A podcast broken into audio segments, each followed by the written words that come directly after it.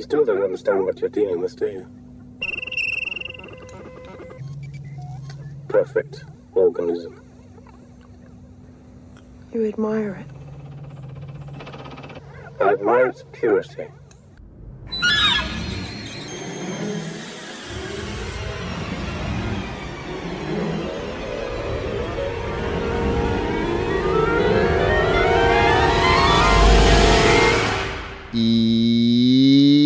Hjertelig velkommen til Lolbua episode 102. Verdens første Lolbua-sending fra verdensrommet. Hallo, Major Lars. Can you hear me, Major Lars? Uh, ground control, this is Major Lars. I hear you. Beep. Loud and clear. How Beep. about you, General Tellefsen? Affirmative. Å, alle er med på leken. Det var ikke verst. Eh, Det hadde, det hadde Men hver gang du sånn påpeker det, Jon. Cato, så slutter jeg. Ja, okay, ok.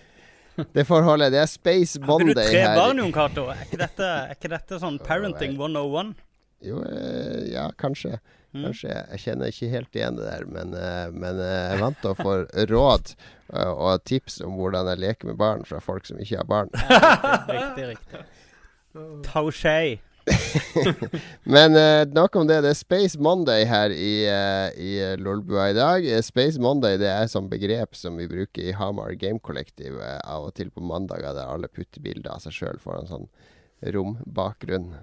Eh, jeg var jo ikke del av det kollektivet fra starten av, så jeg har ikke tort å spørre hva, hvor det kommer ifra. Men eh, artig tradisjon. Og vi har Space Monday her òg, fordi vi har mandagssending. Fordi Lars skal reise bort snart og har nattevakt. Eh, Noe og sånt. Til det fjerne Polen. ja. Mm. Og så har vi jo Vi har en sånn lang plan, da. Vi har jo planlagt tema for de neste 30 episodene, da. Så vi, vi Det her er jo Space fordi det er XCOM-releasen var forrige uke, som vi vel alle har spilt, tror jeg. Mhm. Så da kan vi snakke litt om det senere i sendingen. Så det er også rommandag. Jeg regner med at Lars legger på litt sånn der eh, Kanskje bakgrunnsstøy hele episoden. Sånn der eh, Sånn romlyder. Eh, den der dype bassen. Altså litt sånn radio, radio chatter. Sånn biosphere radio chatter. Så den kommer inn av og til sånn svakt, sånn at du ikke helt hører. Er ikke det en god idé? Det er en god idé. Og så av og til så kan vi En av oss må bare dø, sånn at du blir tatt av aliens. Til slutt så er det ingen igjen. Sitter alene og prater. Ja, det er veldig XCOM-ånden nå, at noen dør hele tida. Ja. Det, det burde gå fint, det. Nei, vi, vi skal kose oss i verdensrommet i dag. Og som vanlig så skal vi begynne med å snakke litt om hva som har skjedd i det siste. Um, ja, det har skjedd jeg har masse å dele av. da. Skal, skal jeg bare begynne? Gjør det. Jeg har eh, I dag har jeg møtt kulturministeren vår, for eksempel. Eh, det var en sånn Spill ut i verden-lansering med, med Filminstituttet og eh, Innovasjon Norge. Og diverse, som jeg ikke skal kjede litt mer med, men det er i hvert fall eh, penger til utvalgte utviklere i Norge som skal bli større i utlandet. Så det er bra initiativ. Ja. Uh, og så har jeg eh, så jeg har sett en sånn dokumentar, den tror jeg du har sett, Lars, for det er du som tipsa meg om at den lå på Netflix UK, Mm. som heter From Bedrooms to Billions. Ja. Ja, det Eh, det er en dokumentar om eh, den britiske, eller den engelske, strengt tatt, spillbransjen.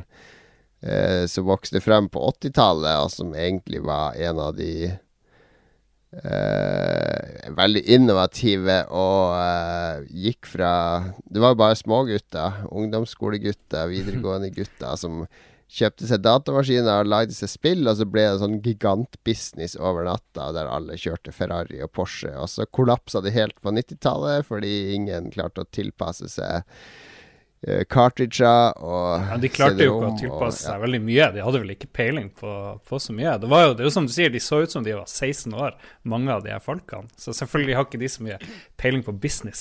Så det gikk vel eh, Noen gikk vel i dass før det her cartridge- og Nintendo-tingen òg, til og med.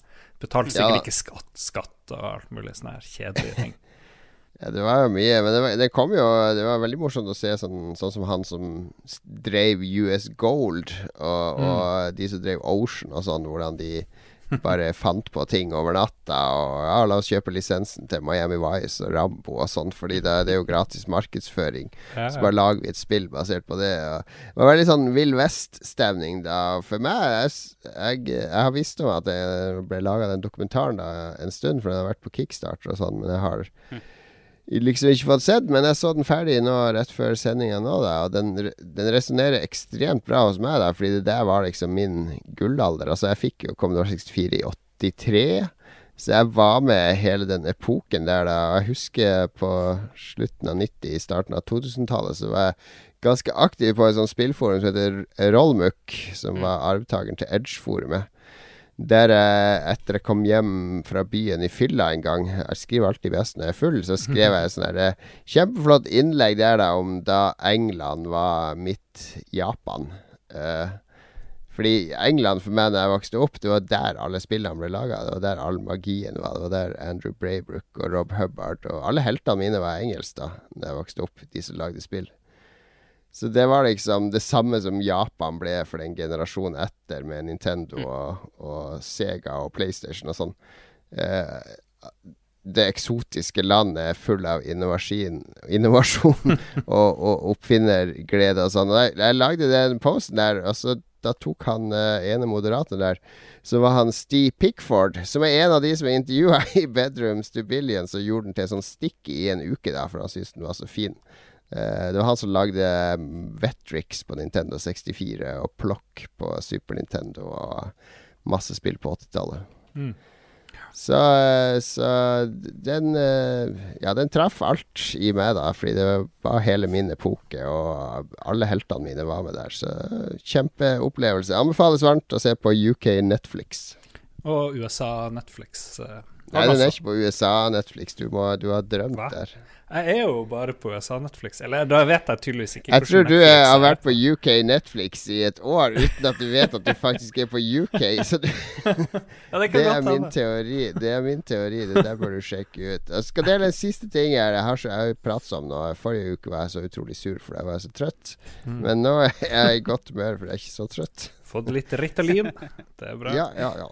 Eh, jeg prøvde nå i helga for første gang eh, å kjøpe matvarer fra kolonial.no i Ja. stedet for å gjøre ukeshandlinger på Rema. Mm. Leser du artikkelen til Joakim Lund?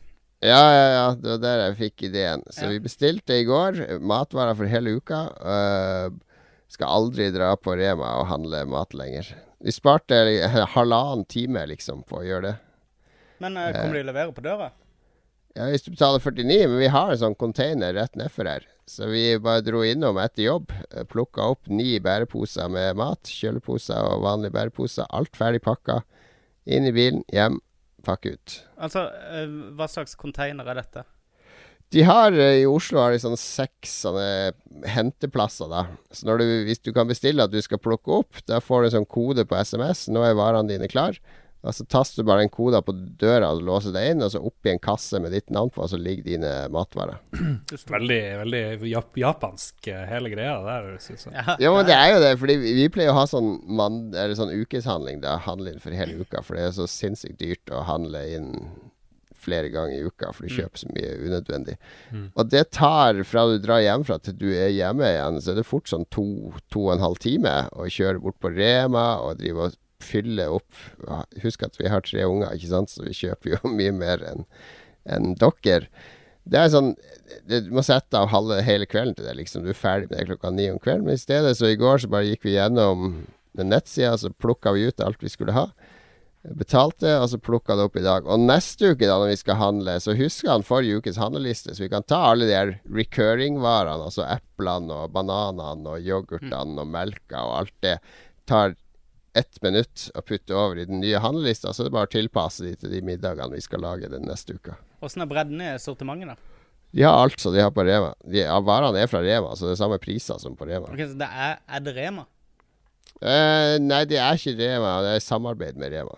Så du taster det inn, og så er det en eller annen veldig underbetalt tenåring som går inn på Rema og kjøper Nei, jeg det? tror Rema Det er et samarbeid, altså. Rema Ja. leverer det til dem. Men det er, det er eh, Jeg syns bare det er deilig å slippe hele den butikkprosessen der. Fremtiden, fremtiden Ja, er eh, her. jeg bruker eh, overraskende eh, mange timer i måneden på eh, å tråle butikker etter spesielle ingredienser. Um, så for meg er det der superaktuelt. Jeg, jeg tenkte på det da jeg leste den artikkelen, at det der kler meg veldig. For det, da kan jeg bare Hvis jeg skal lage et eller annet, så kan jeg bare bestille alt der. Eh, alt jeg finner der. Og så har jeg mye kortere liste over ting jeg uh, da kan legge ut på ekspedisjon for å finne. Og det finner du stort sett i én spesialbutikk ofte. Og det andre er Mhm. at uh, dagligvarebutikker er jo lagt opp som kasinoene i Vegas. Det er jo en lang sånn her psykologisk labyrint for at du skal liksom fylle lommene maks på din ferd mot utganger. Og, um, Ja, og den lokalbutikken vi har er så utrolig ræva fordi den er så trang, så det går ikke an å Det, går, det er ikke plass til vogner i, i de korridorene der, fordi det står alltid esker og sånn skit i veien. Så Ja. det er skikkelig hassle å handle der. Men ja, nå har jeg snakka nok eh, om uh, mat og film og eh, kulturministeren. Eh, Magnus mye om kulturministeren. Ja, det var veldig Magnus- lite om kulturministeren. Det, Nei, det er ikke så mye å fortelle om henne. Jeg tror jeg ser på Mammon for tida, så jeg hadde håpa at det skulle være masse sånn hvisking og tisking og litt sånn sure blikk og intriger, men det hun var jo bare blid. altså, og du fulgte bare med på journalistene for å liksom, prøve å finne det, det underliggende dramaet. Uh, ja, det var ikke han Per Christian Bjørking fra Aftenposten var der. Han er ikke den største drama... Han er ikke akkurat Jon Øigarden, tror jeg. Nei, han er, han er så ålreit. Ja, Han er ålreit type, så ja, Det var ingen sånn heseblesende Nils Ole Oftebro heller som kom uh, haltende inn. Så vi kan godt snakke om Eh, Mammon. Vi kan spare. Mammon. Vi, vi sparer Mammon til Mammon er over. Mm. Uh, du, er, uh, du er misfornøyd med din elitekontroller, har jeg skjønt, Magnus? det var tragisk i dag, altså. Jeg gikk eh, skikkelig i sørgemarsj til Elkjøp i dag og uh, måtte innse at uh, eh, Xbox Elite-kontrolleren, som jeg har hatt i et par måneder, eh, tilhører en eller annen batch med defekte kontrollere, som gjør at den ene stikker er løs.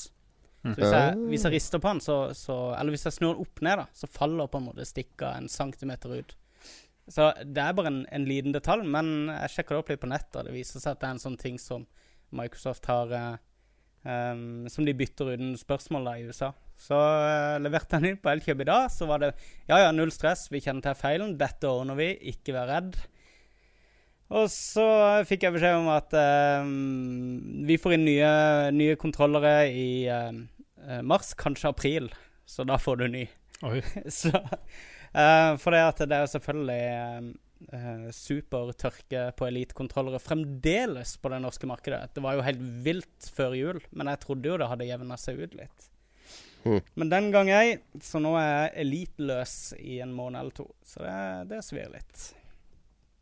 Ellers, eh, bortsett fra det, så har jeg brukt helga til å lage quiz, som vi skal ha på tirsdag. Ja, i morgen.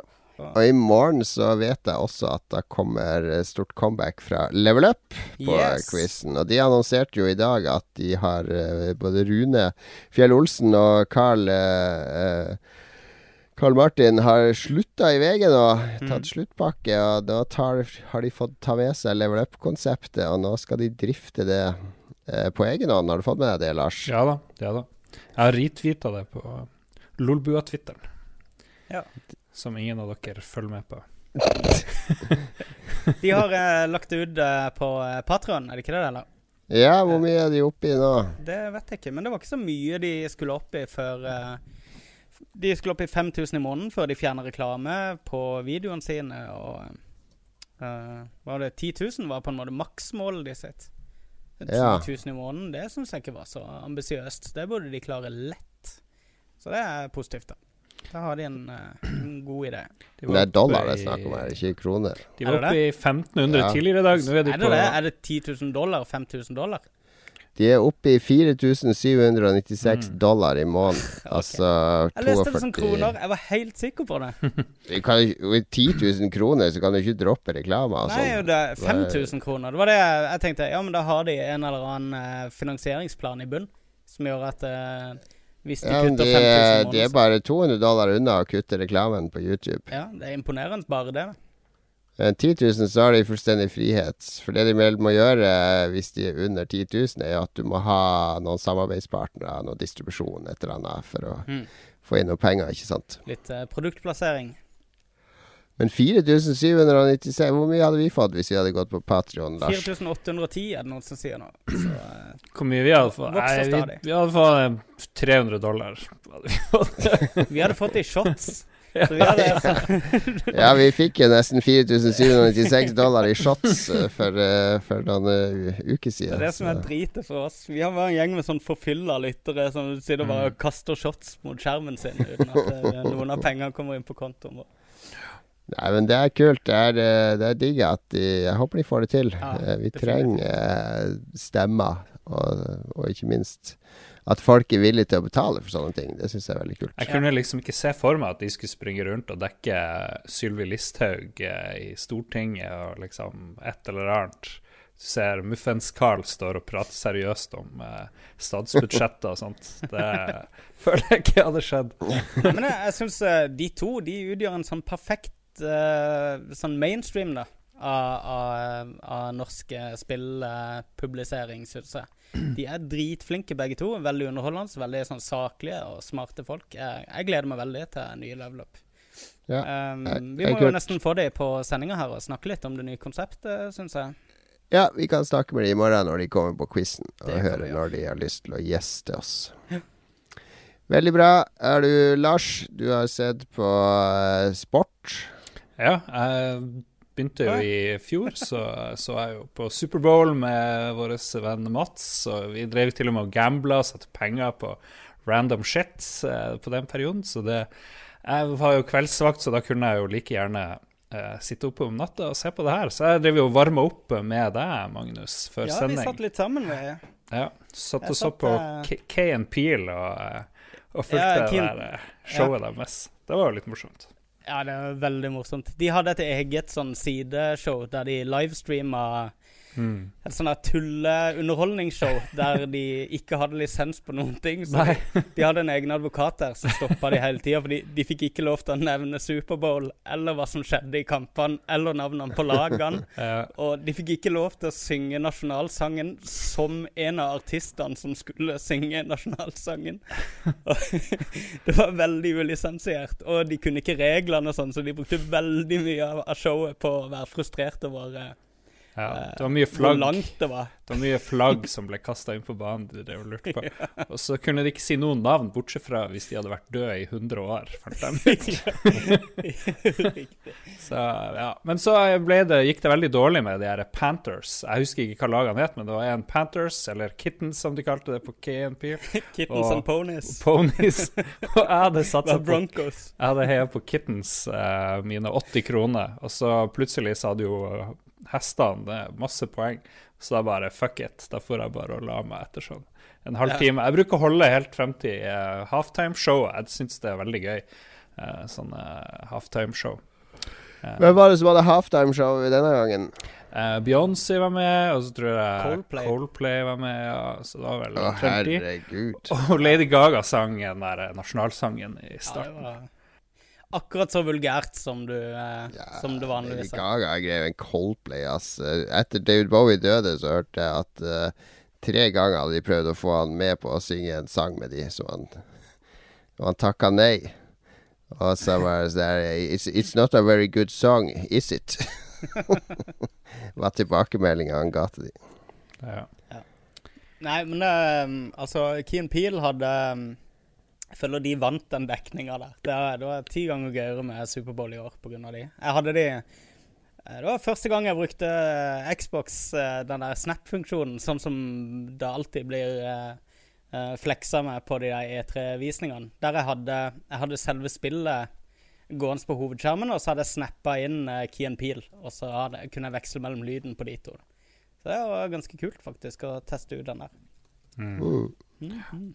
Og så satt du og gråt fordi du visste at du skulle levere inn kontrolleren din i morgen. Ja, ja, det var var vår siste kveld sammen. Den. Og. Ja, det var, det var vår siste kveld. Så det, det, var, det var litt vemodig, men, men veldig vakkert, da. Så, Mm, mm. Eh, Har du noe mer å dele, Lars Rikard, nå? Jeg brukte noen minutter på å google en bok jeg kom på eh, som heter Billy Lynns Long Halftime Walk, som handler om Irak-soldater som eh, drar til Superbowl, hvor de bare går gjennom sånne eksistensielle kriser, mens f.eks. Beyoncé driver og vandrer rundt, og de forelsker seg med noen sånne cheerleaders. Veldig, veldig bra bok fra 2012.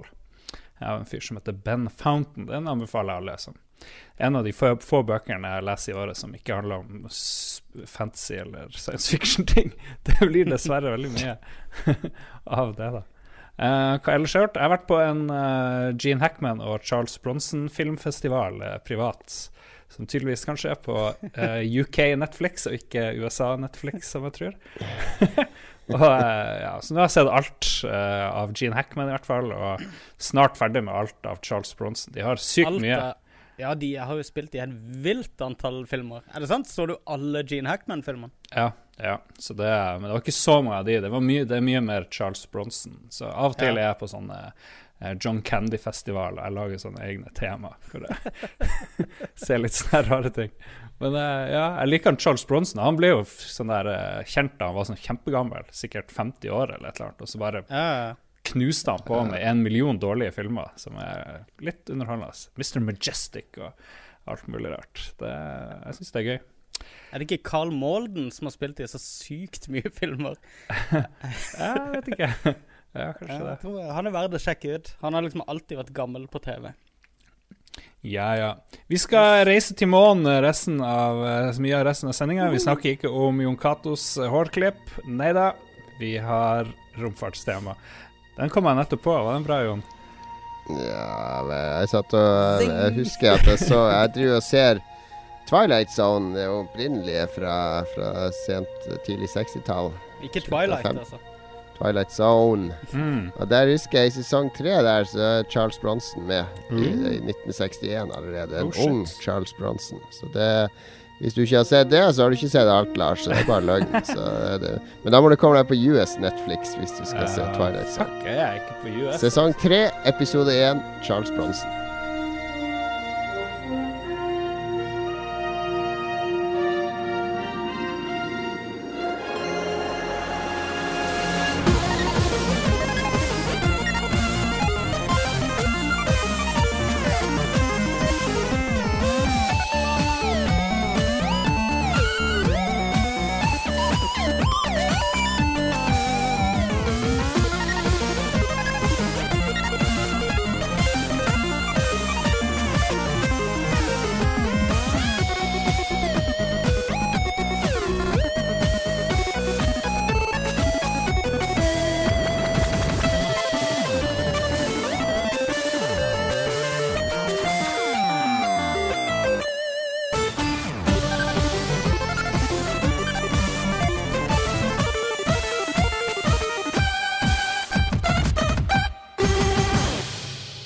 Så det var musikk. Jeg ser jo her at jeg må rette på spørsmål tre i quizen i morgen, ja. Mm, mm, mm, det er ditt spørsmål, er det ikke det? Nei, det er ditt. Er det sant? Det er ikke en tegneseriehelt. Ja, men er det ikke der vi har den fra? Er lisensen basert på tegneserien? Ja, men jeg er ikke en tegneseriehelt. Jeg sier jo ikke hva er lisensen basert på. OK, folkens. Er Konan en tegneseriehelt? Eller er han en filmhelt eller en fantasyhelt? Han er ikke en filmhelt, han er jo, det er jo en roman av Robert Howard. Ja, men er han, det er tegneserie Vil du ikke si han er en tegneseriehelt? Nei, det vil jeg ikke si. Er det ikke tegneserieuniverset som har gjort Konan mest kjent? Nei, det var bøkene til, ja, okay. til Robert Howard. Fullstendig meningsløs uh, debatt.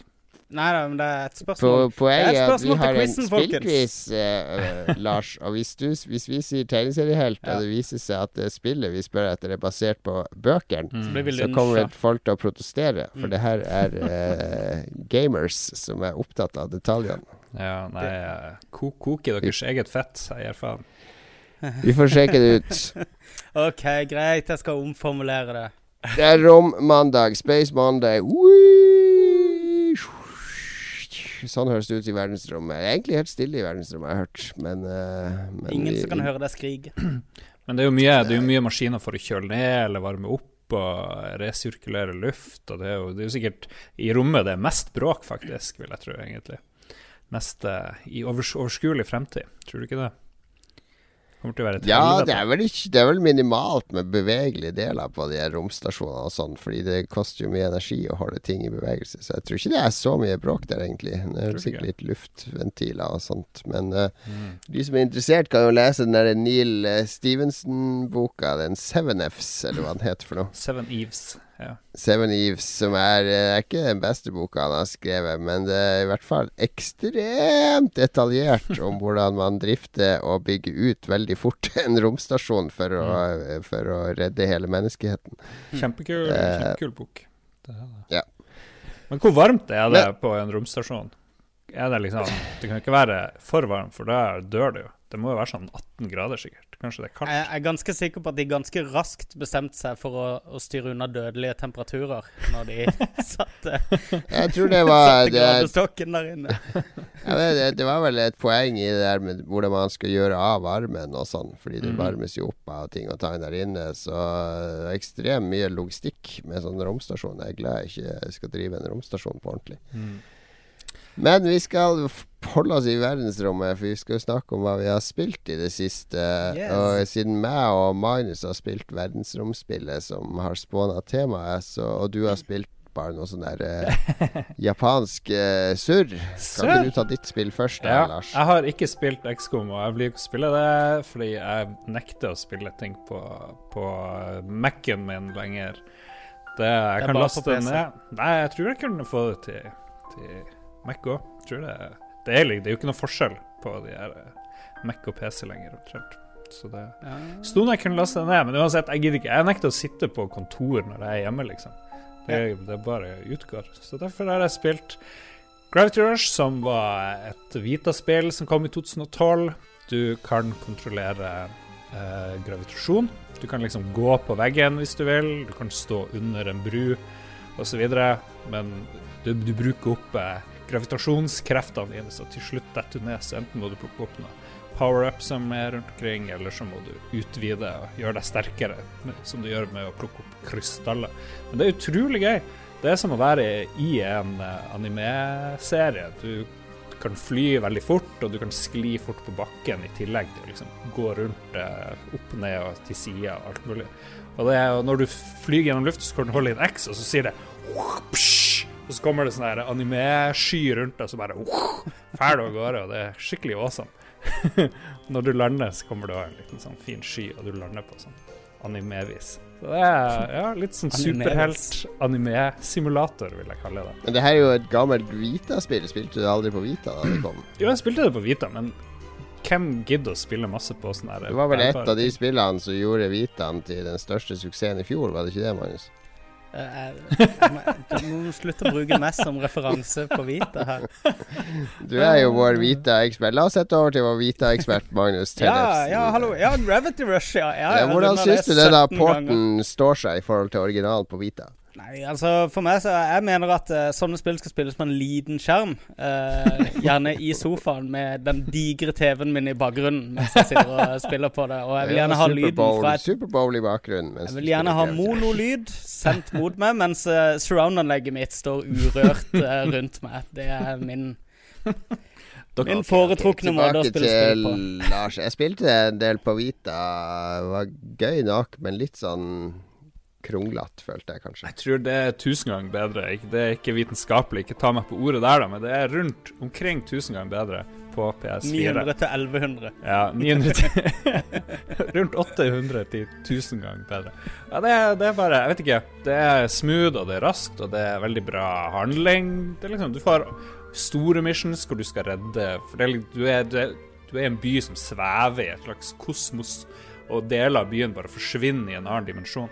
Så du skal hente tilbake deler av byen. Og da må du inn i sånne andre dimensjoner som er jævlig kule, hvor det bare Du må fly langt, liksom Der er en del av noe, der, og så må du fly langt, og alt mulig. Og kjempe mot litt fiender og til. Og så plutselig er du tilbake i hovedbrettet, og da skal du liksom være sånn her maid, gjøre sånn her hushjelpsarbeid som plutselig blir sånn du må redde mannen til dama som du jobber for. Det er overrasker hele tida. Veldig morsomt. Sykt smoothe kontroller. Kjempegøy å holde på når du kan det. Det, det er Husarbeid og anime, med Ja. andre ord, hvis får, vi skal oppsummere det. Og får du maid-kostyme, ja, Det gjør du. Selvfølgelig gjør du det. Kjempegod musikk. Nice. Kjempe, kjempegod musikk.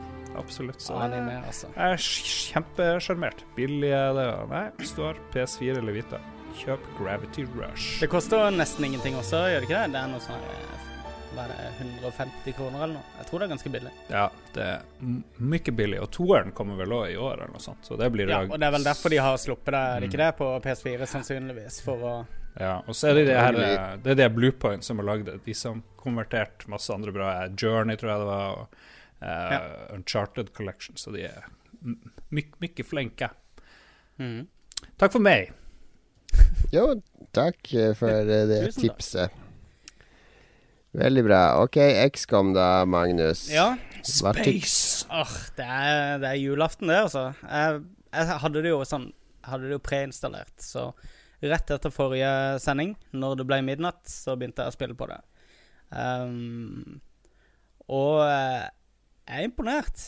Jeg, altså, det forrige, forrige XCOM, da, da føler jeg utvikleren beviste på veldig mange måter at de hadde de hadde skjønt hva som var kult med de to første spillene, kanskje spesielt det første, og de Ja, for forrige spill var jo en slags reboot av serien, Ja. da. For det het jo nøyaktig det samme som det første spillet på 90-tallet. og det, og det er jo en serie som har gått i en ganske bratt nedforbakke fra, fra utgivelse til utgivelse fra det første. Så Ja, mye rart. det var veldig gøy å spille uh, det forrige, for det, utvikleren var, det viste at eh, de hadde liksom skjønt hva essensen var, hva det var som gjorde at folk fremdeles spiller det opprinnelige spillet, og jeg føler det på mange måter tok plassen til det, til det gamle spillet. Det de har gjort nå, er at nå har de begynt å videreutvikle uh, konseptet for første gang egentlig noensinne.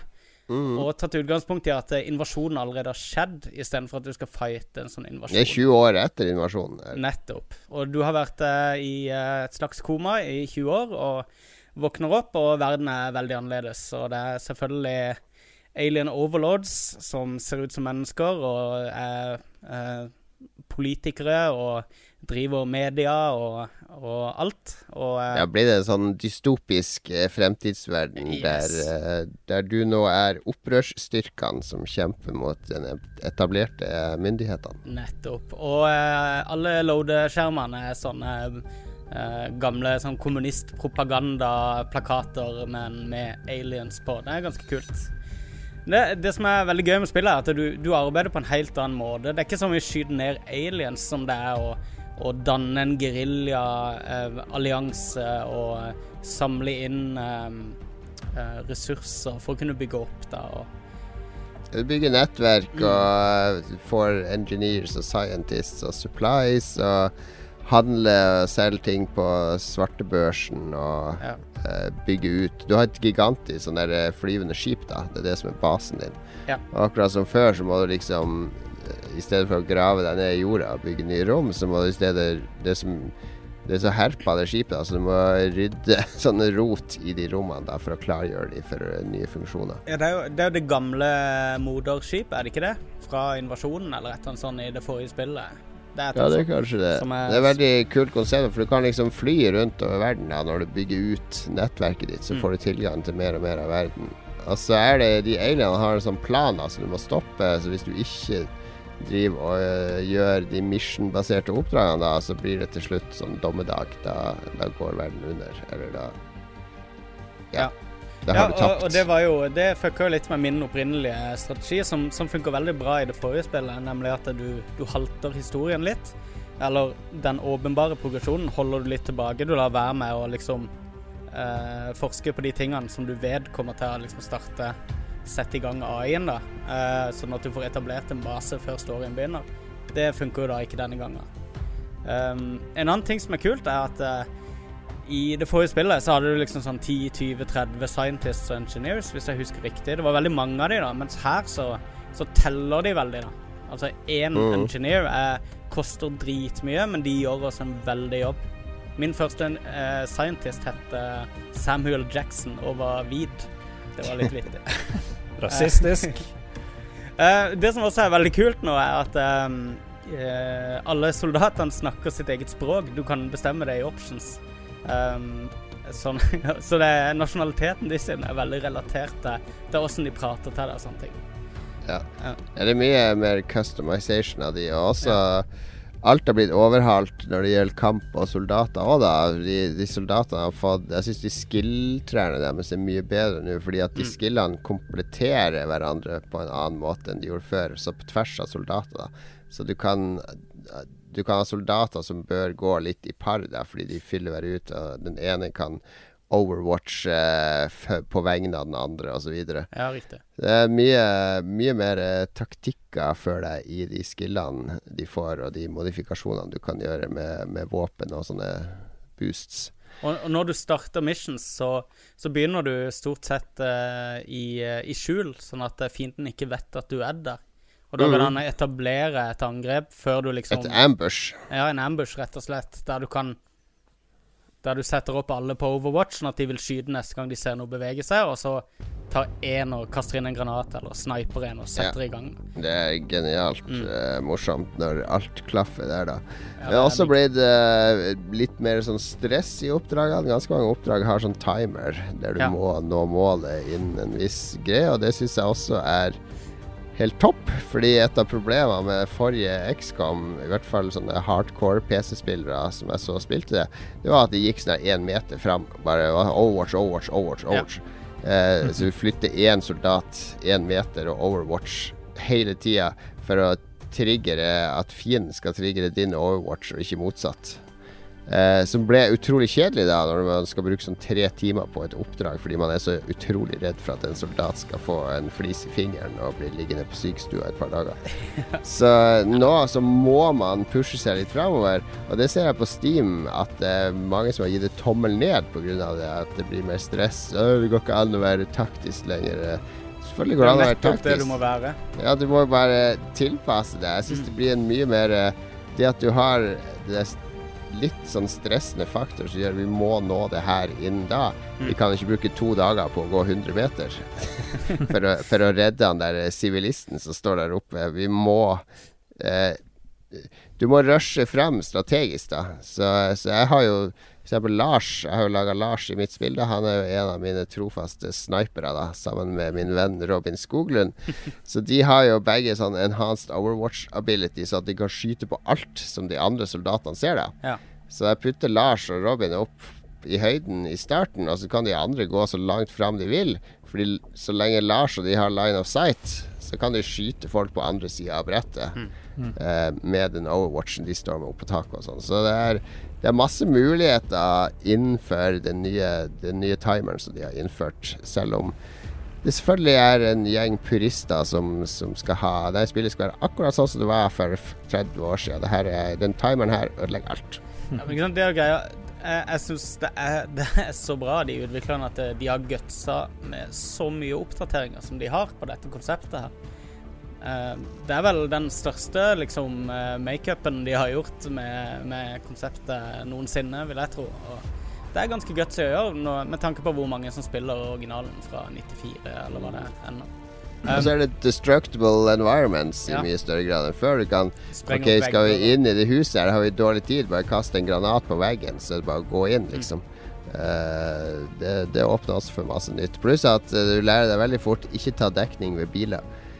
De sprenger på eh, Et par streifskudd fra en alien, så plutselig sprenges bilen, og karen din er død. Så eh, masse mye morsommere environments. Det skal sies at uh, spillet er ikke blitt noe lettere, i hvert fall. Det, det er fremdeles den der ganske utilgivelige gameplayet de har lagt opp til, som gjør at uh, det er utrolig lett å miste folk. Jeg tar meg sjøl litt sånn i begynnelsen, så pleier jeg alltid reloade veldig mye i begynnelsen når jeg begynner å miste folk og sånn, hvis det er tidlig i mission.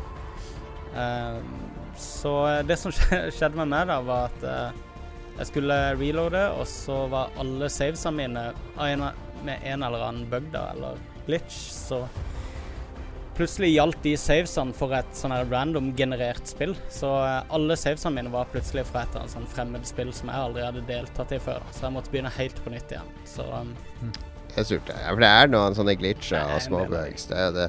Eh, veldig tunge grafikkrav som er litt sånn eh, for Altså, jeg har jo GTX 980, og da sånn default så stiller den opp på sånn herre eh, 80 ganger MSA anti-aliasing. Så jo, ja, ja, du vil at jeg skal spille med fem frames i sekundet, liksom. så, så, det er en del sånn optimalisering som kunne vært gjort med grafikken, som sikkert blir gjort. Men også en del sånn grafikkbugs når man spiller. For når jeg skal hvis en soldat er bevisstløs, så må du jo bære han med deg til rendezvusstedet, ellers så Ja. blir han missing in action. Og når, når jeg skal drive og løfte soldater opp på skuldrene, er det ganske ofte at de ikke dukker opp grafikken av de der. Altså han bare står og løfter sånn usynlig mann. Og så, ja, det er flere sånne småglitcher. At jeg ikke får se når fiender skyter sånn, bare plutselig er skuddet over. Tror dere det kommer til PS4 noen gang? Det er. Kommer jeg til å spille det?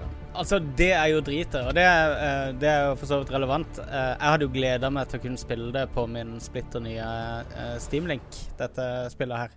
Mm. Um, men utviklerne har jo i sin evige visdom bestemt seg for å bare backe kontrollerstøtte for Steam-kontroller. Som ikke er helt utenkelig at det innebærer et lite økonomisk samarbeid med Valve på akkurat det der. Um, I hvert fall så uh, uh, De har også sagt at uh, de har optimalisert hele interfacen i spillet til å passe til keyboard og mus. Ja, Noe jeg nå ikke har sett. Jeg har ikke sett noen store forskjeller i interfacet fra, fra det forrige. Så, og jeg har spilt begge på PC, da. Er det sånn, jeg har hørt det, det er noen få spill hvor du kan liksom kontrollere en pil med musa, og så kan du trykke på ulike ting. Ja, men Sånn er det ikke her, altså. Nei. Her er det, det er det samme, samme som det forrige. Så og, og de sa jo da at grunnen til at de ikke har optimalisert, er fordi det ikke har vært noen planer for, eh, for konsoll denne gangen. Men det, det må jo Det er no, men det er noen sånne eh, key eller ting som ikke var før. For eksempel, du har en sånn zoom ut-knapp. Uh, fordi hvis du skal bevege en soldat, så putter du på rutenettet dit du vil han skal gå. Og hvis det er fiender som står et lite stykke unna, så kan du, mens du har eh, markøren der med musa, kan du zoome ut. Så ser du sånn lite øye attmed fienden, om du kan se han eller ikke. Det er litt sånn ting som vil være mer knotete å gjøre på en kontroller. Men det er ikke umulig, selvfølgelig. Men jeg tror det kommer på PS4, men sikkert ikke før om et år. Jeg tror eh, Eller jeg vet hvor mye arbeid som er i sånn versjonering. Å lage mange versjoner, eller konsollutgaver av et spill samtidig som du fokuserer på PC-utgaven. Da trenger du svære teams. Ekstra teams for å lage de konsollutgavene. Det er ikke bare å porte det på en uke. Men jeg tror også å lansere på PC og samtidig si at det vil komme på konsoll, er å bare be om eh, tommel ned på Steam. For det at uh, mesterrasen har en tendens til å leide etter det de kaller fordumming da, til konsollen. Ja, pluss at uh, da får de sånne som Lars til å vurdere å kjøpe det på Steam nå, Ja. fordi han uh, vet ikke om det kommer på PlayStation 4. Det er smart. Smart marketing. Ja. Smart. God taktikk. I approve. Men du vet at Det var jo som PC-folka med hadde ikke GTA, ikke sant? Alle kjøpte jo det på PlayStation 3, og så kjøpte de det på PS4, og så kjøpte de det på PC. Ja. så vi Hvis du hadde visst at det kom på alle, hvis de kom på alle samtidig, så hadde de jo redusert salget sitt med 20-30 ja. Ja, det er som uh, Among the Sleep. Hvis jeg hadde visst det kom på PS4, så hadde jeg jo uh, Ja, nå har du kjøpt det null ganger. Nå Altså har jeg kjøpt det null ganger på PC. For det, der var jeg i en annen jury, og jeg kjøpte null ganger på PS4. Der eh, jeg kjenner en som har vært med. Men vi har uh, gir i hvert fall tommel opp, både meg og Magnus. Ja, store tomler. tomler. Utrolig intense, nervepirrende kamper. Du er skikkelig svett av noen av de lengre oppdragene der, der du sitter med hjertet i halsen når du rykker fram. Og Ja, jeg, jeg tok meg sjøl i å bruke tre kvarter på eh, et oppdrag som jeg trodde hadde brukt kanskje fem minutter på. Jeg følte det var et kjapt oppdrag. Tida flyr når du spiller det. mm, absolutt, absolutt. Da foreslår jeg at vi tar en liten pause før vi drar og besøker månen til Jon Cato. Og ser hva lytterne er våre jeg ja, vi har allerede vært på månen til Jon Cato. Neste gang skal vi til Lars sitt Uranus. Vi ses i Lars sitt Uranus etter musikken.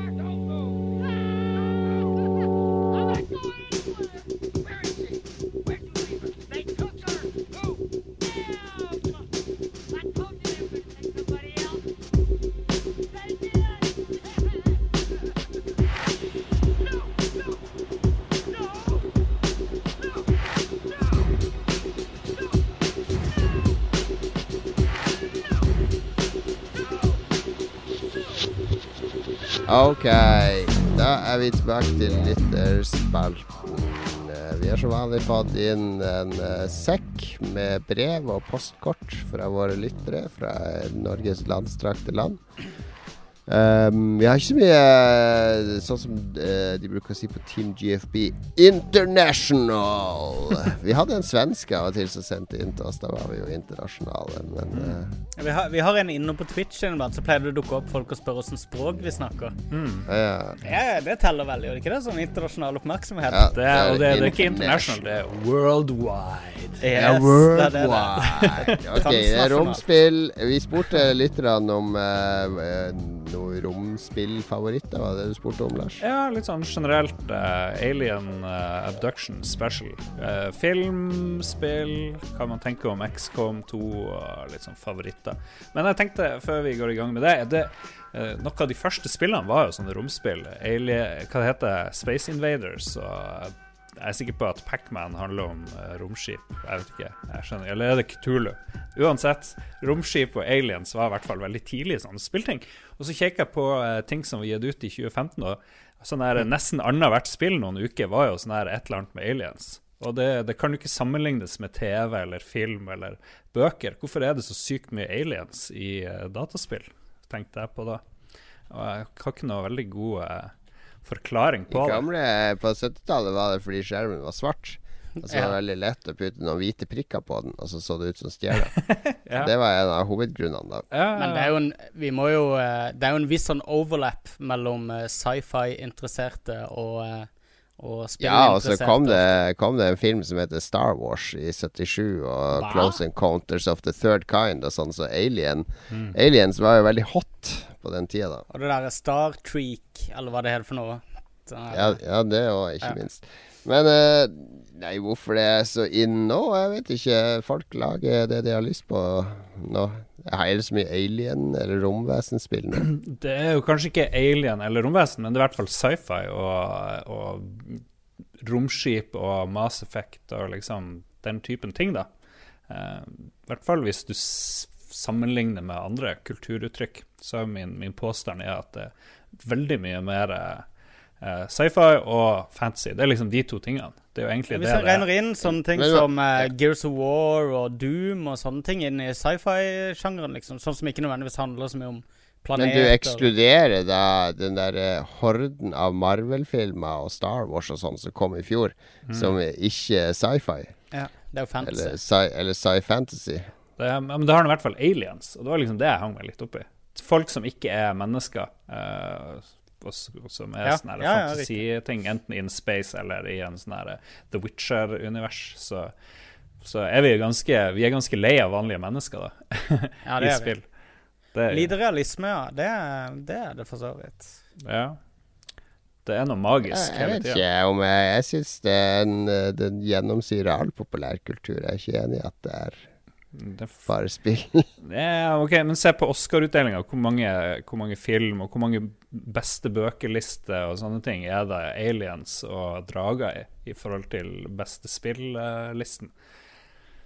Det er i hvert fall stor forskjell der, da. Men uh, det er ikke vits. Jeg skulle ikke tvære ut det poenget. Jeg bare lurte på om noen Nei, nei, hadde nei. tenkt på det. Jeg skjønner det. Det er en fin, eh, en fin eh, men rotløs tanke. Nei, jeg vet ikke. Konkluderte Jon med. Skulle vært litt mer forberedt. Jeg På bare tenker på Guardians of the Galaxy og alle Ja. mulige filmer som har kommet nylig, som Men du ser kanskje aliens. Du ser bare den typen filmer. Du er sånn fjortis. Ser bare sånn Insurgent Det, det, Nei, er god del eh, Det er jo en god del film som har vært uh, romskip. The Martian er det mange som snakker om. Uh, ja. Kommer på en del hvis jeg gidder. Jeg holdt på å kjøpe Mad, Mad Max, Mad Max. Ja. Ja, er Mad det, Max. er det Jeg vil romvesen si i Mad Max? Nei, sci-fi, da. Ja, er det det i gang? det er Er postapokalyptisk. Postapokalyptisk dystopi? Ja, det er jo på grensen til fantasy, det vil jeg jo si. Jeg, jeg føler det er nærmere steampunk enn sci-fi. Uh, det er Mad Max-universet. Men hvem er alle disse alien-spillene fra i fjor, da? Det lurer jeg på. Aliens, blant annet. Desolation, eller hva det heter for noe. Men uansett, skal vi kjøre på med noe lytterting? La oss snakke mer om åssen Lars tar feil. Ja, ja, ja. Jeg har ikke noe å si, men jeg tror han tar feil. Ja. Ehm, ja, vi kan godt snakke om uh, lyttere. Skal jeg ta første? Gjør det. Sean Anders Risengryn. Har ikke spilt XCOM 2 ennå, men det ser bra ut. Uh, det ser også ut som det ikke er helt komplett, siden de kjører det tullete sesongkortopplegget. Tror jeg venter med denne godbiten til den har modnet seg skikkelig. Jeg har to kandidater til beste beste spill med romvesen. Et gammelt og et ikke fullt så gammelt. Det er Space Invaders og Brood Wars. Mm. Altså um, Space Invaders er Starcraft, classic. Brood Wars, da, tenker jeg. det, Mm. ja. Er det noe Men hva er det tullete sesongkortopplegget? Det- Eh, er det Season Pass til XCOM 2? Det visste Ja, det er ikke jeg. Mm. Um, altså Ignorance is bliss. Mm. Uh, Men jeg tror akkurat Altså innholdsmengdemessig så tror jeg ikke det er noe å frykte fra dette spillet her. Det, det føles veldig spekka. Det føles ikke ut som de har liksom klippa ut noe for å uh, For å holde For å ha noe å selge seinere. Men de har sannsynligvis veldig mye ideer på hvordan de kan fortsette å bygge det ut. Men, uh, men dette føles i hvert fall Så langt som jeg har kommet, så føles det som et, et veldig komplett spill. Mm. Ja, det står Space- her at uh, sesongpasset inneholder noe ny customization og en ny klasse, soldatklasse, da, så det er jo Mm. litt Mm. Som, Kult eh, nok, som åpnes det- eh, umiddelbart, eller? Nei, det kommer i vår og sommer og sånn. Ja, det koster 20 dollar, ja ja. Ja, ok. Ja, ja. Det er ikke det verste. Min uh, eldste sønn brukte akkurat 500 spenn på season pass til Call of Duty, så 20 dollars pass, det er greit. Ehm, ja, Lars, skal du ta neste? Here. Han, Anders By sier at han spilte mye XCOM Apokalypse. Spillet var dessverre ustabilt og frøys hele tiden. Uh, hekta som jeg var, så spilte jeg videre og måtte save og loade i ett sett. Holdt på å få magesår i en alder av 16. jeg husker det. Jeg lurer på om han spilte det ute på Skibladner, mens hans far Erik Bye dampa skibladene over Mjøsa og sang om en sirupssneip i solnedgangen. Mm. Sannsynligvis. Ja, Ehm, det ser jeg for meg at Anders Bye gjorde. Ja. XCOM Apocalypse var ei uh, bugsuppe, ja. Ehm, det er et av disse spillene jeg snakka om i denne nedforbakken fra det første uh, ufo. Ja, fordi det kom Det var det første spillet, og så kom det et som het eh, sånn Terror, Terror from the Deep. Og det Ja, var kult. det var ganske bra. Ja. Det var kult. Og så alt etter det, det var liksom Meh, de har ikke helt skjønt det. Men uh, jeg leste litt om det, og, og eh, så å si alle utviklerne som jobba på de to første, hoppa av etter Terror from the Deep. uh, Mm. Så det forklarer litt, da. De hoppa av. De var i Norge på eh, Hva det heter uh, Den der fotballturneringa i Oslo. På Ekeberg. På Norway Cup. De var på Norway Cup, så hoppa de Yes. av til Norge. De gjorde det. Det var de big rømte news. ut i Oslo. Ja. Det var bare. Det var desperat, uh, Lars. Var desperat. Til Jan, Jan Christian Hegel. Jan Christian Hegel var mest trofaste lytter. Han har bare ett ord til oss, og det er 'halloen'! Det er jo det de sier i han Bergen. ikke- Vil du bare hjem og spille litt 'halloen'? Han klarte ikke stave 'hallo' riktig engang. Mm. Det er svakt, uh, Hegel. Um, nei, Halo, selvfølgelig, må jo nevnes uh, når vi er For det, uh, du kan jo kanskje fortelle hva vi spurte disse lytterne om, eh, Lars? Ja, sånn at vi får vite litt hva de svarer på når vi. Favorittromspill? Nå, eh, nå stiller du meg opp eh, for eh, hugg, hva det heter. Et eller annet. Mm. Skal vi se. Jeg Det- spurte ja. om eh, Har du spilt XCOM 2? Hva synes du? Hvilket spill med aliens er best? Hvilken film med aliens er best? Har du noen gang blitt bortført? spurte jeg. Det siste har jeg ikke fått svar på fra noen. Han, Nei, nei. Um, så han svarte på hva er beste spill med aliens. Så det var nok Halo, syntes jeg. Ja. Da vet vi så mye å si på det. Jon Cato, du var jo helt eh, eh, religiøs på eh, Halo-greier ganske lenge. Megabra. Det er megabra. Ja, er, du, eh, er det like stort ennå når det kommer nye Halo-utgivelser, syns du? Nei, det er det ikke. Det er mista sjarmen. Hvor lenge er det siden det mista sjarmen? Hva var det forrige bra Halo-spillet? Egentlig Halo 2 allerede, så følte jeg at nå hadde de I hvert fall Bungie var litt lei, Ja. virka det som. Eller det er for- de ble litt for avansert for sitt eget beste, og siden da så Egentlig ODST er vel det jeg har likt best, bortsett fra det første. Er enig. Det Som var sånn sidespill. kjempegod idé, hele det spillet der. Mm. Det var første gang jeg fikk en følelse av hele universet, da, utover bare Master Chief. Det ikke alle vet, er jo at alle i Bungie var på uh, Norway Cup i 2004. Nå er det Kurt Arne Strømmen, eh, Lars, som du skal lese opp. Kurt Arne Strømmen. Eh, av spill så er det Alien Trilogy på PS1 og Zombies Ate My Neighbors på Megadrive, som er hans Er favoritt-alienspill. zombies blitt aliens nå, ifølge Kurt Arne? Tydeligvis. Kanskje det var noe aliens. Det kanskje var eh, aliens med det spillet òg, det husker jeg ikke. Jeg husker også at jeg likte It Came From The Desert på Amiga. Det er jo morsomt. Det er jo fra Cinemaware. Men usikker på om det kan regnes som et direkte aliens-spill. Ja, det spørs. Predator er favoritten når det kommer til aliens på film. Holder seg fortsatt godt. Er det der han sier 'get to the choppa'? Er det, er det Predator? Predator? Tror det. Eh, Nei, nei, ja, jo, ja. tror jeg. Kommando. Ja, ja. Han er jo helt alene på slutten. Eh, Jeg husker uh, spillsjappa i Kristiansand på eh, 80- og tidlig 90-tallet heter Datakjelleren. Um, og der Ja, vi hadde Dataland. Ja, ikke sant? ikke sant? De var kreative på den tida. Ja.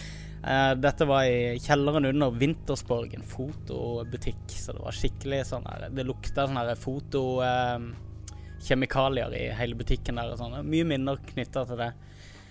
Men eh, i vinduet der så hadde de It Came From The Desert, eh, en sånn en plakat. da Jeg husker bare, Og jeg leste det som It Came From The Desert. av en av annen grunn. så, så det var bilde av denne her svære edderkoppen som da kom rett fra desserten.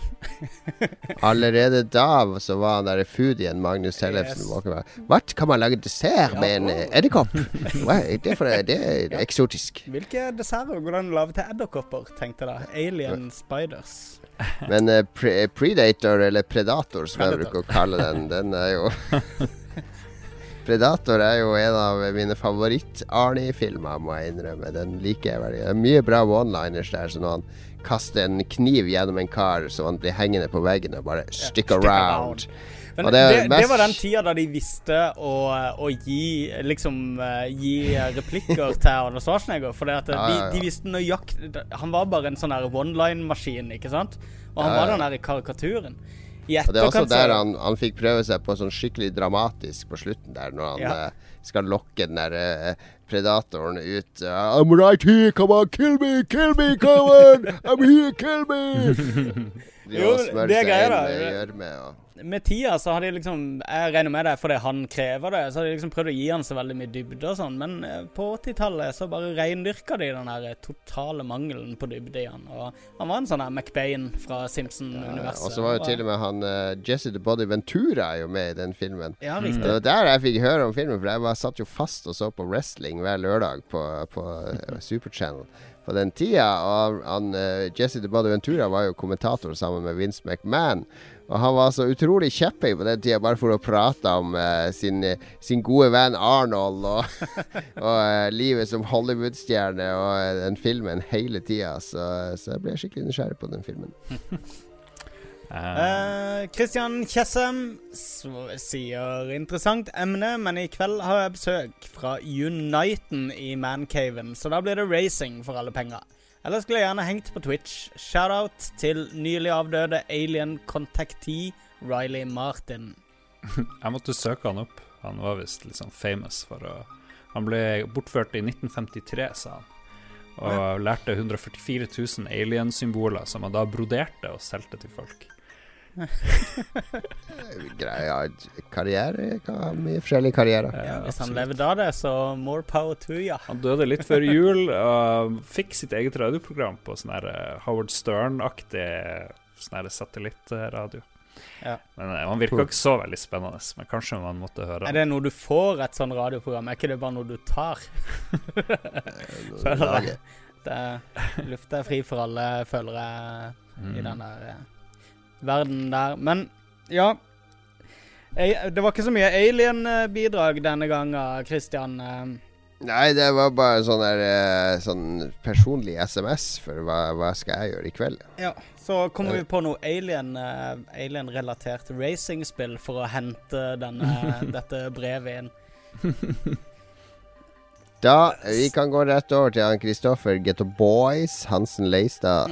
Eh, tror min personlige favoritt blant romvesenspill må være Halo. Hello. XCOM var OK, men Alien Isolation er det desidert verste. Ble rett og slett kvalm av kameraføringen. Kontroversielt. Film tror jeg må gå for Marvels Guardians of the Galaxy. Ble fire kinovisninger og kjøpt Blu-ray. Nice. Jeg kjøpte, jeg kjøpte den også på Blu-ray, eller, ja, eller fikk den, eller noe. Og så på nytt. Det holdt seg veldig dårlig. Det var, var utrolig gøy å se den for andre gang, syns jeg. Elska den på kino. Ja, Jeg så den med ungene. Alle ungene der. Det var like morsomt uh, okay, andre andre gang, da. Okay. Jeg har også sett den en gang på kino en gang på Blu-ray. Jeg likte den kjempegodt andre gang jeg så den, men uh, det var klart kulest å se den første gang. Det er jeg enig i. Det er, mye mer inn å ikke like den andre gang. Så det, dere bør følge mitt uh, tips, og Yes. ikke like den tredje gang. Dere selv.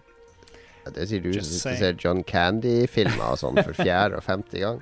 Når det gjelder dette her med å bli kvalm av kameraføring, så er det, det er ganske utbredt. Jeg husker det fra da jeg jobba i, uh, i spillbutikk, at uh, jeg hadde visse kunder som, som ikke kunne spille spill der kameraet var fritt i det hele tatt, der du ikke kunne styre kameraet uten at de ble svimle og kvalme og, og faktisk spøy. Um, Det, jeg har en kjæreste som eh, Hun klarer ikke å spille sånn type spill, hun ble kvalm med en gang. Så um, det er et eller annet sånn her i inner ear som uh, uh, veldig mange sliter med. Det, det er veldig utbredt i Asia. Så uh, spesielt en av grunnene til at ja, Nord-Korea Nord-Korea har de store problemer med det. Japan også, så er det first person-spill blir ikke spilt der. Nesten i det hele tatt. Mye fordi at folk blir svimle og kvalme av det. Det I hvert fall ifølge vår Japan-korrespondent eh, Chris Chief Gutti Guttormsen. Vi siterer han uh, Riley Martin. Det er han som har kommet med den informasjonen. peiling på det.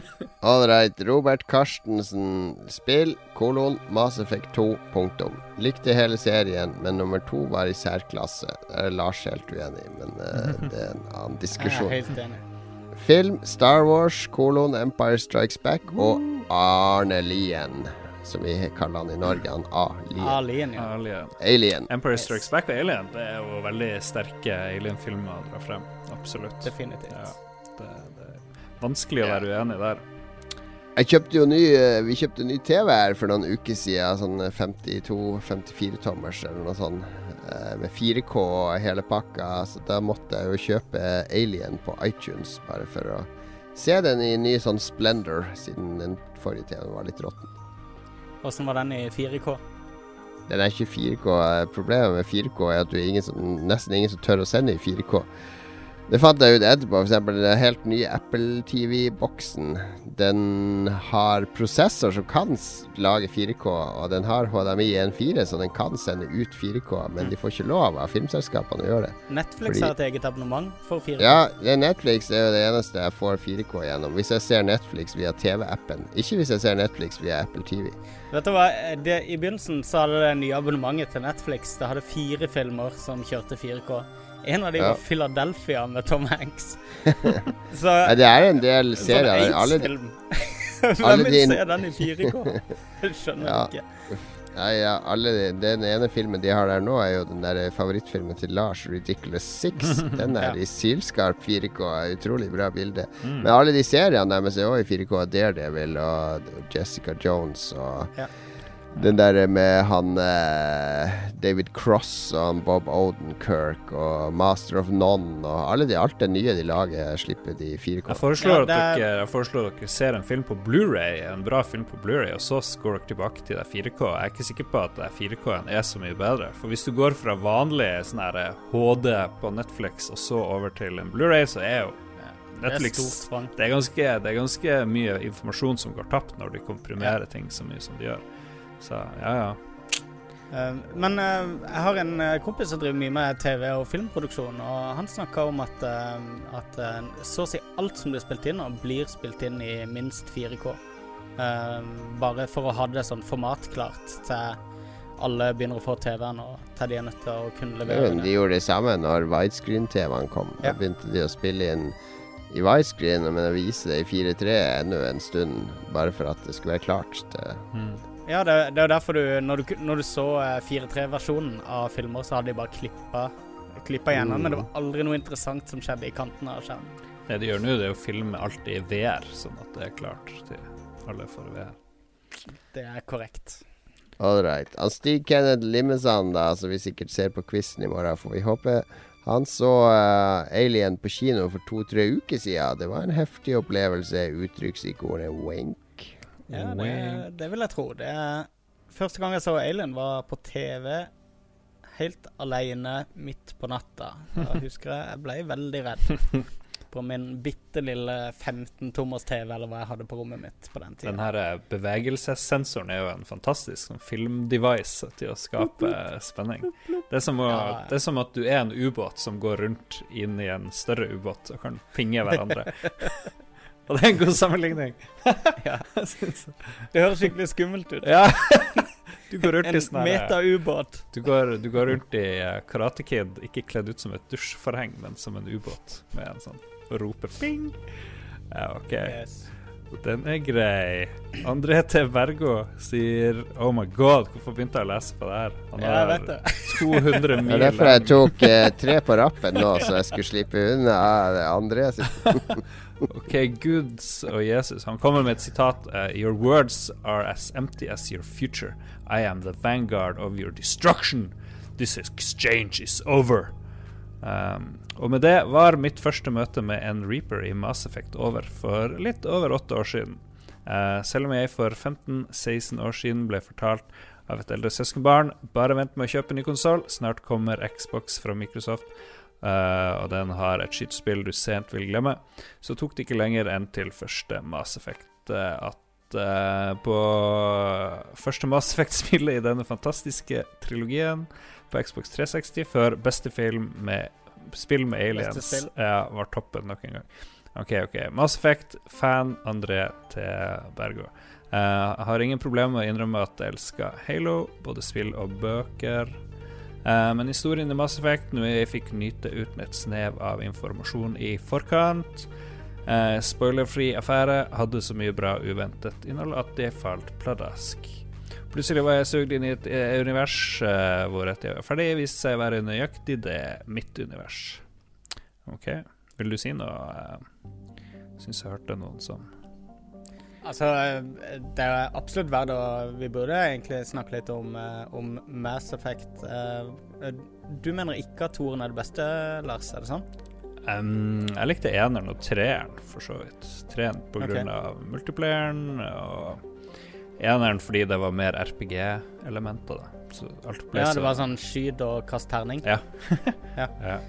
Um, ja, jeg har jo spilt litt uh, Division i det siste også, og det har litt av det samme elementet, den uh, betaen på Division.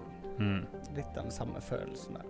Um, men jeg, jeg syns helt klart at, eh, at eh, Mass Effect 2 var det var soleklart beste spillet, for der kom hele den der eh, Det var der alt kjøttet havna på beinet da, i det der universet. Veldig mye havna handla om å reise rundt fra planet til planet og bli kjent med de forskjellige Mm. alien-rasene og kulturene. Og du ble satt veldig inn i historien de sin og bakgrunnshistorie. Og, og eh, du ble ofte satt til veldig sånn Hva skal du si eh, Kanskje ikke så mye skyting og action, og mer sånn at du tok en del sånne moralske valg hele tida. Men du følte deg at du var liksom en, en sentral skikkelse i fremtida til veldig mange raser.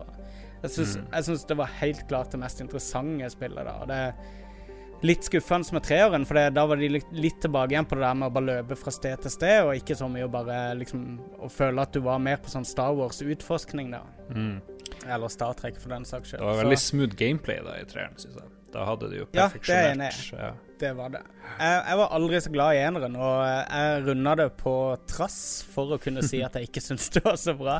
For det var det man måtte gjøre på den tida, for det var litt å banne i kirka. Det var som å si at Half-Life 2 var dårlig, liksom. Så Ja. Jeg følte at det var forskjellige folk som skrev og liksom lagde historien til ena og så to og tre. For det, to og tre var så Ja. light-hearted, mens ena var mer litt hardcore og litt sånn mer mystisk. Plutselig var det mer såpeopera og space-opera og sånne ting i de andre. ja, kanskje. kanskje. Men eh, ja. Smak og behag. Har du innspill, Jon Cato? på Mass Eh, Effect? ja, nei, jeg syns ena er mye kulere sci-fi-univers enn toa, når man bare Det er noe med når det ting er mystisk, så Mm. er det mer interessant. Men mystisk på hvilken måte? Det er mer eh, Det var mye bedre musikk i ena, syns jeg. Mye mer sånn der ambient synt-musikk. I toa ble det mye mer sånn militærtromme og eh, kampmusikk. Så jeg syns bare stemninga var bedre i eneren. Mm.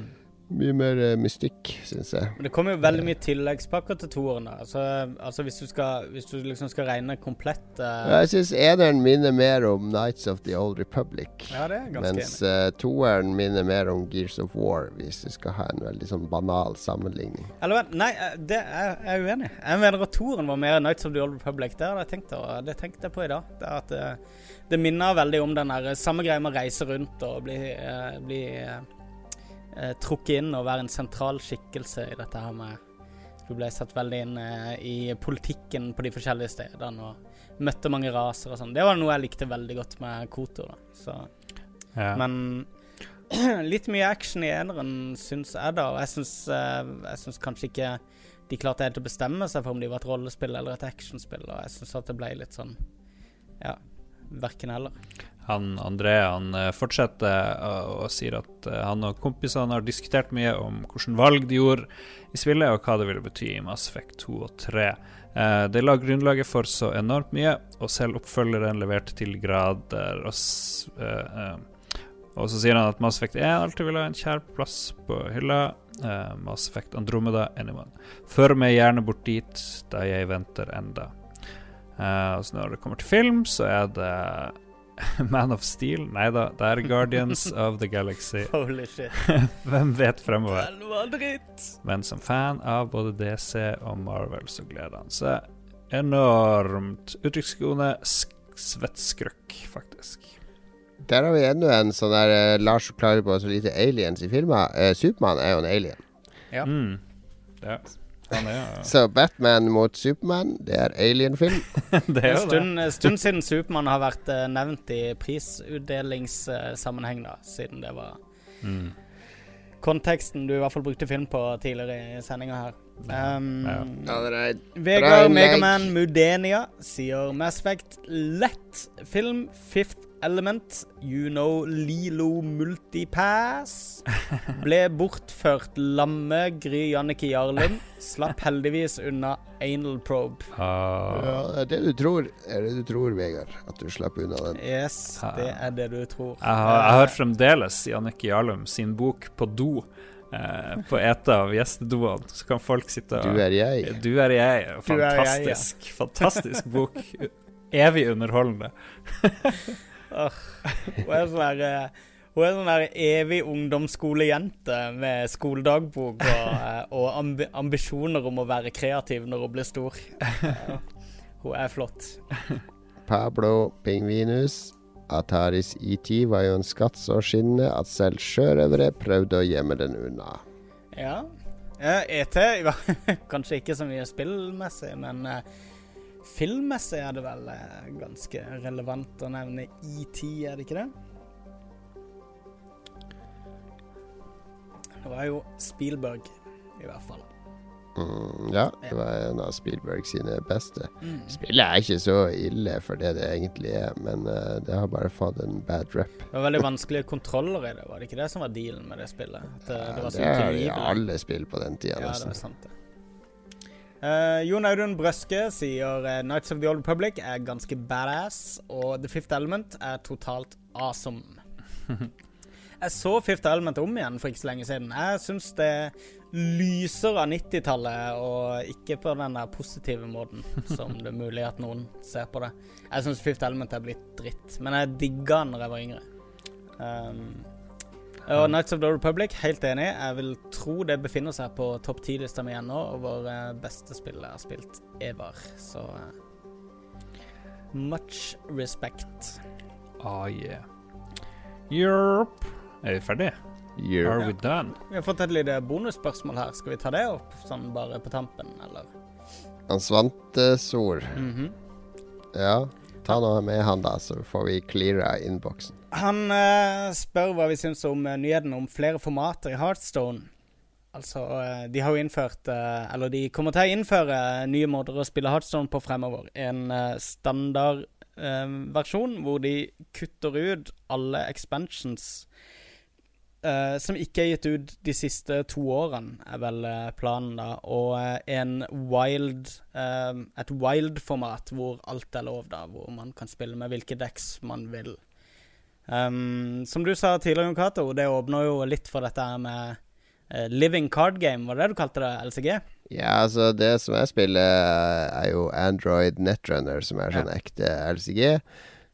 Men i alle sånne lange eh, både collectible card games og living card games, så faser de jo ut kort etter Mm. hvert. Og det er jo fordi at uh, det ofte Det kommer kort som blir eh, Som er såpass mektig at alle har de dekkene sine, så man vet at man møter de. Og så blir det sånn som det er i Heartstone nå. Det er sånn 20 forskjellige dekks du møter sånn cirka på toppnivå. Ja, det har endret seg litt nå, da, men, men jeg tror også det hindrer de veldig å være kreative fremover. For det at de må liksom hele tida ta hensyn til synergier fra det grunndekket eller fra første expansion og sånne ting. Så jeg, jeg tror Ja, det, det det i hvert fall kommer til å skje, jeg tror det, jeg vet ikke om det er i år, når de første kortene begynner å fases ut i Mm. Er at uh, noen av de som absolutt du kan du alle putte inn i alle dekk, uansett tilhørighet. Ja. Eh, når de forsvinner, så må man begynne å tenke nytt. Eh, så da endrer metaen seg. Så det blir liksom eh, Du må tenke kreativt på en annen måte enn å bare belage deg på det som er opplest og vedtatt. Det er jo det eh, Bliss har jo allerede gjort et par ganger. eh, at de har eh, At de har Tell me. Altså ju justert ned en del av de overpowered-kortene for å, for, for å gjøre det gøyere. For at hensikten med spillet skal komme tydeligere frem, da, og for å unngå at folk reindyrker ett dekk. Og, men det, det er jo aldri noe populært å gjøre, så det er kanskje en bedre måte å gjøre det på. sånn som dette her. Jeg syns det er kult at de gjør det.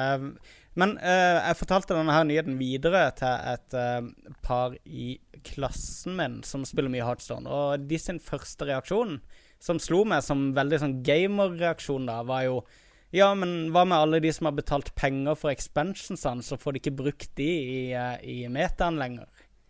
Eh, du får brukt de i Wild. I og Wild, du kan ja, jo de er liksom du kan ikke også duste de. Du kan duste de og lage nye kort. Ja, men likevel Men de har Ikke sant eh, jeg, jeg har jo sikkert brukt Jeg vet ikke 150 dollar i, i eh, Gnomes versus Goblins, for eksempel. Ikke sant? Ja. Og, og alle de kortene er liksom ute av, av metaen nå når de lanserer disse formatene her. Så det er Ja. 150 dollar liksom bare inn i dusting. Og det er det jo ikke verdt. Så, men, men det er en veldig sånn her eh, Det er sånn Nei, men du, brukte jo sikkert eh, 15 000 på en PC på 90-tallet. Hvor mye er den verdt i dag? Ja, jeg er helt enig, men, men Ja. dette ble vi ikke gjort oppmerksom på da vi kjøpte det. Du skjønner, du kjenner jo regler, ikke sant? Jo da, det står Jeg er sikker på at det står i den disclaimeren at de når som helst Ja, ja. kan flytte kortene ut av eh, whatever, eller ja. Men, men likevel, da. Det, det, var, det bare slo meg som en En sånn reaksjon vil de sannsynligvis ikke få med Netrunner og Magic og sånne ting, med de som handler der. uh, mens uh, mens uh, PC-spillere kanskje er en litt annen rase når det kommer til å bruke pengene sine. Kanskje jeg tar feil, kanskje jeg tar feil.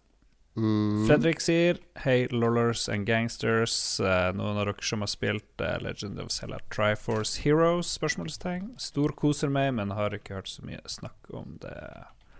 Eh, jeg vet ikke om vi har pratet så mye om det. Jeg er usikker. Jeg tror jeg nevnte nevnte så vidt i høst. Jeg spilte litt med ungene, for det er sånn treplayer hvis man har tre DS-er. Man trenger ikke Mm. tre spill. Uh, og da er det kjempegøy. Selda i multiplayer er, har alltid vært fantastisk, helt fra Four Swords og sånn. Mm. Så fremt man har folk å spille med. Ikke spille over nett, det er ikke så gøy, men uh, i samme stue er det dødsgøy. Mm. Men det er litt sånn begge alt er spunnet rundt én idé, da. Så det er uh, uh, Det kunne vært litt mer variasjon, kanskje. Ja. Jeg ga det til ungen til et søskenbarn. Jeg tror hun spilte det bitte litt med noen venner, men det var liksom aldri noe stor hit blant 11-åringer, virka det som. Mm. Eh, Anal Bros, The Anal Bros, sier kom seint inn i episoden. Men apropos spill med aliens, har noen av de spilt Arkritz The Intruder. Det er jo et storspill som alle kjenner. Arkritz The Intruder. Det er for mainstream. Det- Bare sånn der uh, big money Ja, Er det Activision eller er det EA som har lagd jeg tror det? er EA. Det er sånn Ja. 100 millioner kroners spillet Arkritz The Intruder. Så føler jeg vi har snakka nok om det. Eh, Det blir for bredt. Vi, snakket, vi hadde jo en spesialepisode om det for ikke så lenge siden. Så. det, er vel, det er vel favorittspillet til Jon Cato, tror jeg. Er det ikke det? Mener jeg. Aldri spilt. Vis den ryggtatoveringa di med akrits på uh, Jon Cato. Ja. Nei, never. Alle som var på vår 100-episode, vet at jeg har ikke noe ryggtatovering, så det er nok en løgn fra unge Tellefsen. Nok en. Ja. Jeg løy, for det er ikke ryggtatovering, det er en tramp stamp. Ja. Nei, men vi vet vel ikke hva Arctic Intruder er, kjære Anal Bros, så eh, det må vi, må vi sjekke. Blir nysgjerrig. Det får vi gjøre. Send, send en link til Lars. Mm. Han tar imot alt som har med anal i navnet. Det Send den til larsanal at gmail.com. Der tar jeg alle anal requests. At Det er den anal.com.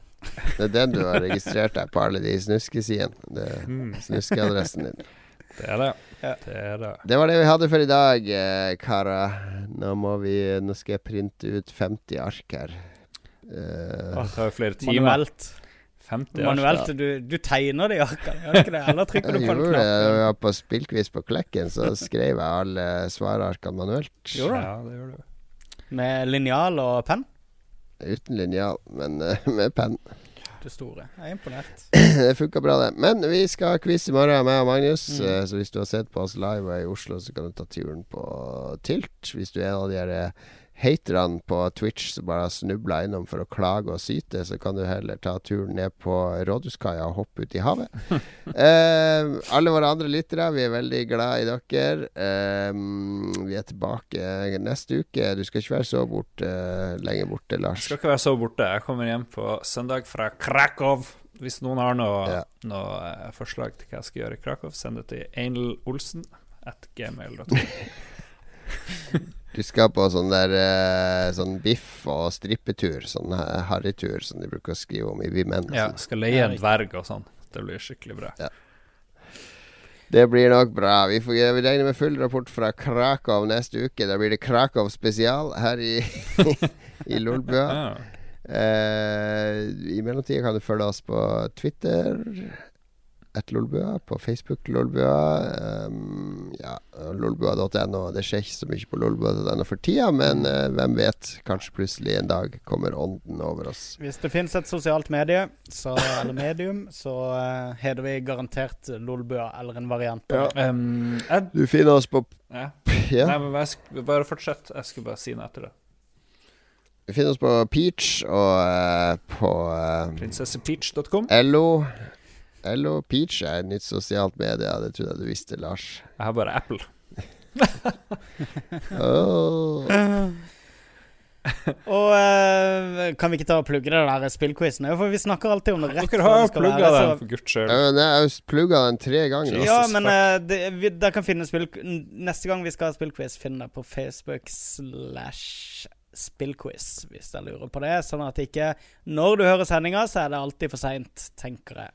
Så eh, hvis du vil vite når det er i forkant, sjekk ut facebook.com slash spillquiz. Eh, vi skal jo prøve kanskje å få tak i noen level up-dudes til neste uke. Kanskje det går, kanskje det ikke La oss ikke love for mye, Nei, nei, nei. Nei, ja. Men hvis vi ikke klarer det jeg har, jeg har lyst, Skal vi ikke ha en sånn sending hvor vi snakker om uh, spillmusikken som kom i fjor? For det er ganske mye bra, og det har vi aldri egentlig gjort. Det hadde vi ikke Nå er du i sånn produksjons, Ja. eh, produksjonsminutt Ja. etter vi skal avslutte ja, men De kan jo like godt være på live. Vi kan jo liksom, det har jo ikke noe å si. Det er jo bare koselig. Jeg vet ikke, Er, det, er dere positive til det, eller? Så vi, vi faser ut sendinga med, med, med redaksjonsmøte. Ja, faktisk. Det er Good lord. Redaksjonsmøte tar vi etter uh, du har vært i Krakow. Men det er en god Yes. idé med spillmusikk spesial. Kjør på med den. Takk for i dag, alle sammen. Vi høres igjen neste uke. Ha det bra. Ha det.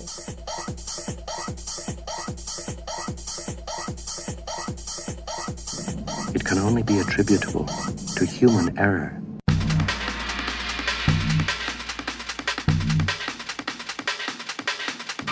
Without your space helmet, babe, we're going to find out rather difficult.